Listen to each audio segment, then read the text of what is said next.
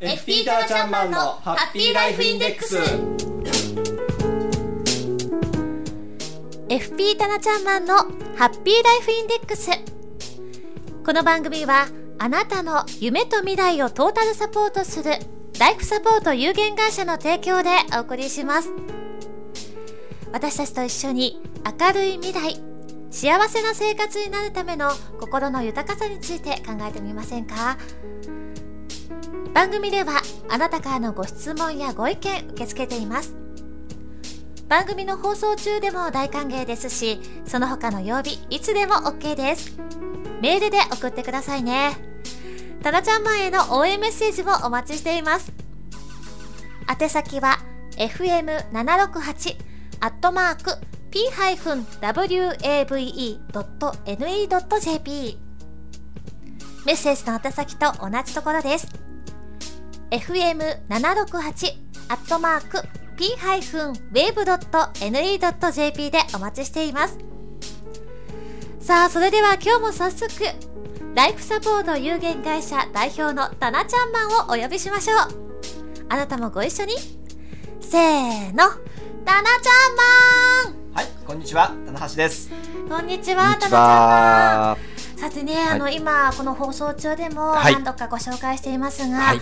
東北地方太平洋沖地震もはい。大変なことですよね。そうです。ね。本当に毎日ね報道を私も見ておりますけれども、はい。すごくうん見るたびにね報道を見るたびに心を痛めております、本当ですね。はい。なんかもうなんか初めはパッと見た時に映像が、えうん。この今起こってることなの、そうですっていうねので、そうですね。びっくりしましたね。はい。ただ様のご親戚だったお知り合いの方は、はい、あの幸いね親戚はね東北にはいないんですけれども、ええやはりその日本メンタルヘルス協会でね、えー共に学ばせていただいた友人が、あの東京校でねあの学んだ友人がですね東北にいらっしゃって、うん。えーちょっと安否気遣ったんですけれどもあのおかげさまで無事ね連絡取れましたので、はい。ちょっとほっとしているところではあるんですけれどもね、はい。あの被災された方にはあのお見舞い申し上げます。はい、はい。でね、あの被災された方々ね、あの毎日報道を見ておりますと、こうねテレビに出されるえー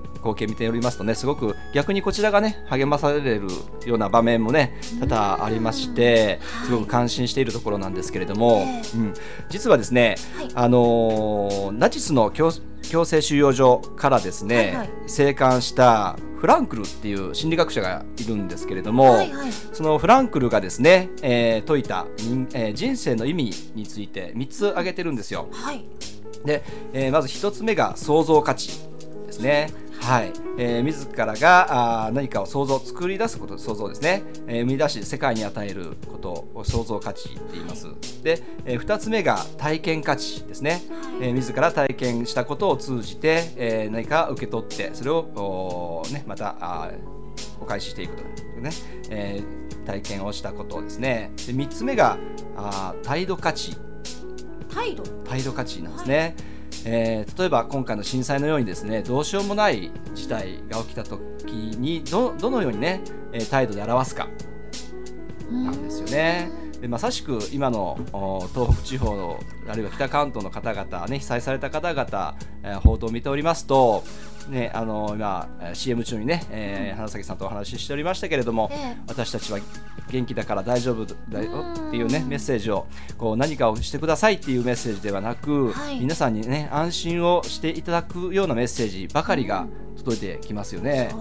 はい、これがすごい態度価値だと思うんですよね。はい。はい、これがそのフランクルの言う人生の3つの意味なんですが逆に私たちもですね、このお何もこう被害を受けてない、えー私たちから、はい。あーその被災をされた方たちへえー何をするかっていうのも大切な態度価値じゃないかなと思うんですよね。そうですよ何ができるのか、ね何をしてあげたらいいのかということですよね。はい、ですので、あのー今私たちにできること何かなっていうところなんですがやはりその義援金であったりとか、うん献血であったりとか、うんあるいはその物資のねお届けする物資を、お提供するだとかあると思うんですがやはりそこにもすごくこのフランクルのお3つの意味が重要だと思うんですよね。はい。はい、例えば物資をね、あのーこう提供するにしてもええ。何でもかんでも送ればいいっていうものでもありませんしですねやはり、うん。あのーじゃあそれをですねじゃあお届けするにしてもじゃあ自分が届けるのかってね、逆に自分がこう行くことによってですね、えー、現地のですねボランティアの妨げになってしまうかもしれないし、ね、はい、だから自分がね何ができるのか自分がねここにいながらにしてどういうことができるのかということを想像していくことも非常に大事なことではないかなと思うんですよね。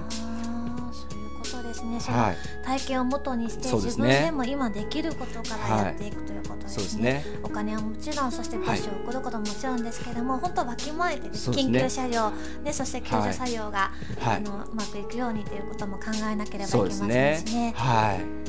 そして自分の身の安全だったりですか、今こそ考えてそうですね。ことっていうのも大切かもしれませんね。はい、大事だと思います。ですので、あのもちろんね、そのボランティア精神の旺盛な方もたくさんいらっしゃると思うんですけれども、はい、えー、現地へ赴いてですね、何かできることをね、体であのやりたいっていう方もいらっしゃると思うんですけれども、まずそこをですね、ぐっと我慢するっていうことも一つの大事な態度価値じゃないかなと思うんですね。すね。今のテレビ放送ですと、はい、あのねボランティア行かれる方も、必ず一人ではなくて複数名で、ね。はい、チームを組んでいってください。またなんか今も予習が続いてますからねそうですね続いてますしね。で。やはりあの現地のねあの、プロのそういうボランティアのね、えー、やっていらっしゃる方に、えー、指導を仰ぎながらね、えー、行動していくというのも非常に大事なことだと思いますし、はい、無鉄砲に行くっていうのもねちょっとね今はちょっとまだ早いぞと。そね、その我慢する心も非常に大切な態度価値であり創造価値であるのかなと思います。はい、でね、あのーポートウェーブでも呼びかけております義援金ですが、はい、えー、先ほどもね赤十字社への義援金のね、ね。ご案内しておりましたけれども、はいはい、実はですね、えー、義援金、えー、につきましてちょっと FP 的なお話をさせていただきますと、はい、えー、寄付金控除というのを受けることができます。寄付金控除、はい、はい、はい、そうですね。はい。で、あのー、こういった義援金に関しましては、えー現金をしますとですね寄付金ということで、えーまあ、今年のね、えー税金は1月から12月までですので、ええ。えー、来年の確定申告になるんですが、はい、えー、確定申告をしていただければ控除を受けていただくことができます。あこのこれだけの金額をそうですね。はい、金しました、はい、現金として送りましたというふうなことを申告をするわけです。はい、で何でもかんでもじゃあ寄付金控除を受けれるのかっていうと、やはりそういうわけではないんですね。はい、はい、あのやはり国に認められた団体を通じての寄付金であることが必要です。ですので、例えばそのコンビニエンスストアにね、置いてあるその募金箱あるじゃないですか。あそこでね、その箱の中に1万円寄付しましたって いくら言っても、それはダメだよっていう形になります。はい。ですので、えー、今回ね、ポートウェーブでご案内しております赤十字社。に関しましては寄付金控除を受けれる団体になっておりますのでね、はい、はい、こういったところで、えー、義援金をしていただければいいのかなと思います。はい、はい、あの今ご紹介させていただきますと日本赤十字社では今回の震災の被害が甚大が広範囲に及んでいることからということでね義援金を受け付けているんですが、ねはい、振替口座がゼロゼロ一四ゼロ八の五0 7ゼロゼロ一四零八五零七。こちらにですねあのご自身のお名前、ね、ご住所、はい、電話番号を記載してください、はい、ということで。ですね。はい。こちらね、あの郵便局でね、えー、うん、郵便局の窓口でお振り込みいただく口座なんですけれども、はい、この郵便局の口座の受け取りですね、領収書を持って、えー、確定申告していただければ所得控除を受けることができますので、はい。これが証明のもの、ね、ということになるわけですね。ぜひね、あの、うん、寄付をしていただければ、えー、税金もね、えー、得をすると言いますか、控除を受けれますのでね。歴も残りますしね、はい、い。ろいろ迷うかと思うんですよ、どこにしたらいいかな、はいね。はい、きっとね、現地には必ず届くんでしょうけれど、はい、まあ、どこにしたらいいのかなってわからないときには、特にそしてあのお仕事されてる方とかは、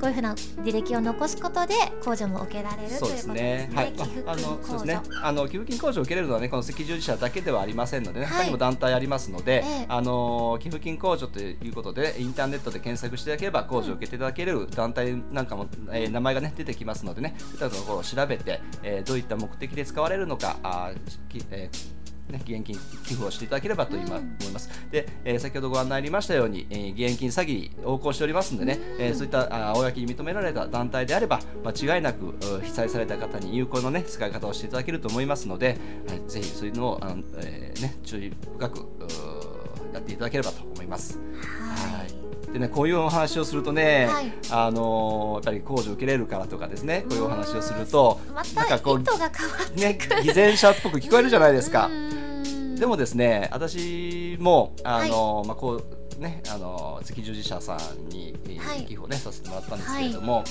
あのもちろん控除を受けれるかという目的もあります。うん。ねはい。でもこれあの偽善者的にね受け取られる方もいらっしゃると思うんですけれども、えたとえそれが偽善であったにしても、うんその使われあの、えー寄付したお金っていうのはその被災された方にとっていいように使っていただけるわけじゃないですか。ねでそのねあの寄付したお金私の心は偽善であっても、うんえー寄付したお金っていうのはあくまでも善なわけじゃないですか。はいだから偽善も決して悪いものではないと思いますんでね。そうですね、はい。しなきゃしなきゃと思って行動する、はしないんじゃなくて、はい。行動することそして決意すること勇気を持って、はいそうですね。はい。動くことっていうのがやっぱり大はい切そうですねになってきますよね。はい、あまずそのねあの心の中は偽善であってもそれを恥じることはないと私は思っておりますので、はい。ぜひねたくさんの方にねこういった義援金ね、えーうんご協力いただければと思いますので、ね。はい、必ず証明になるものを取っておいて、ということはい。です、ねそれも一つの態度価値かなというふうに思います。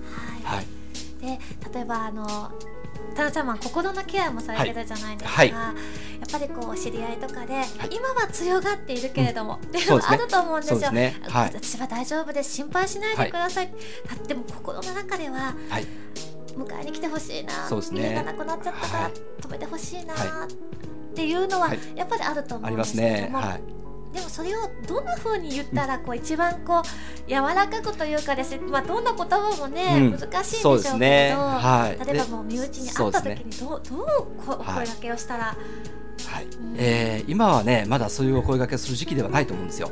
はい、と言いますのはやはり、えー今はまだまだあの気が張ってます。うん。であの神戸のねあの阪神大震災の時でもそうだったんですが、はい。あの後にねその PTSD っていうような、あの心の、ね、ケアの必要な方が出てきますが、はい。それはまだ先なんですねそういう方が出てくるのが、ううん。ん今はまだあの自分たちで何とかしようとしてあの、頑張っていらっしゃる方もたくさんいらっしゃるように、はい。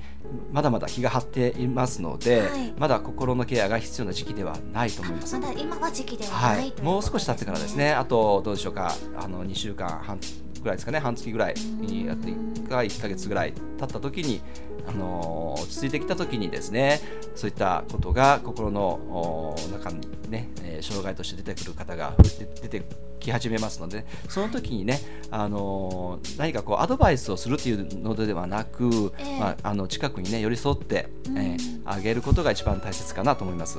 ああもうはい。寄り添ってはい。安心感を与えてね。あげるということなんですね。はいどの言葉を使っても何もどうそうです ね、言葉は必要ないと思います。はい。一緒に行って、はい。その寄り添っ体温だったり、てはい。横になったり、はい。一緒にいることのそうですね。安心感、今安安全なんだよっていう安心感を与えるということなんですね。それとあの向き合うんではなくて同じ方向を向いてあげることも大切ですよね。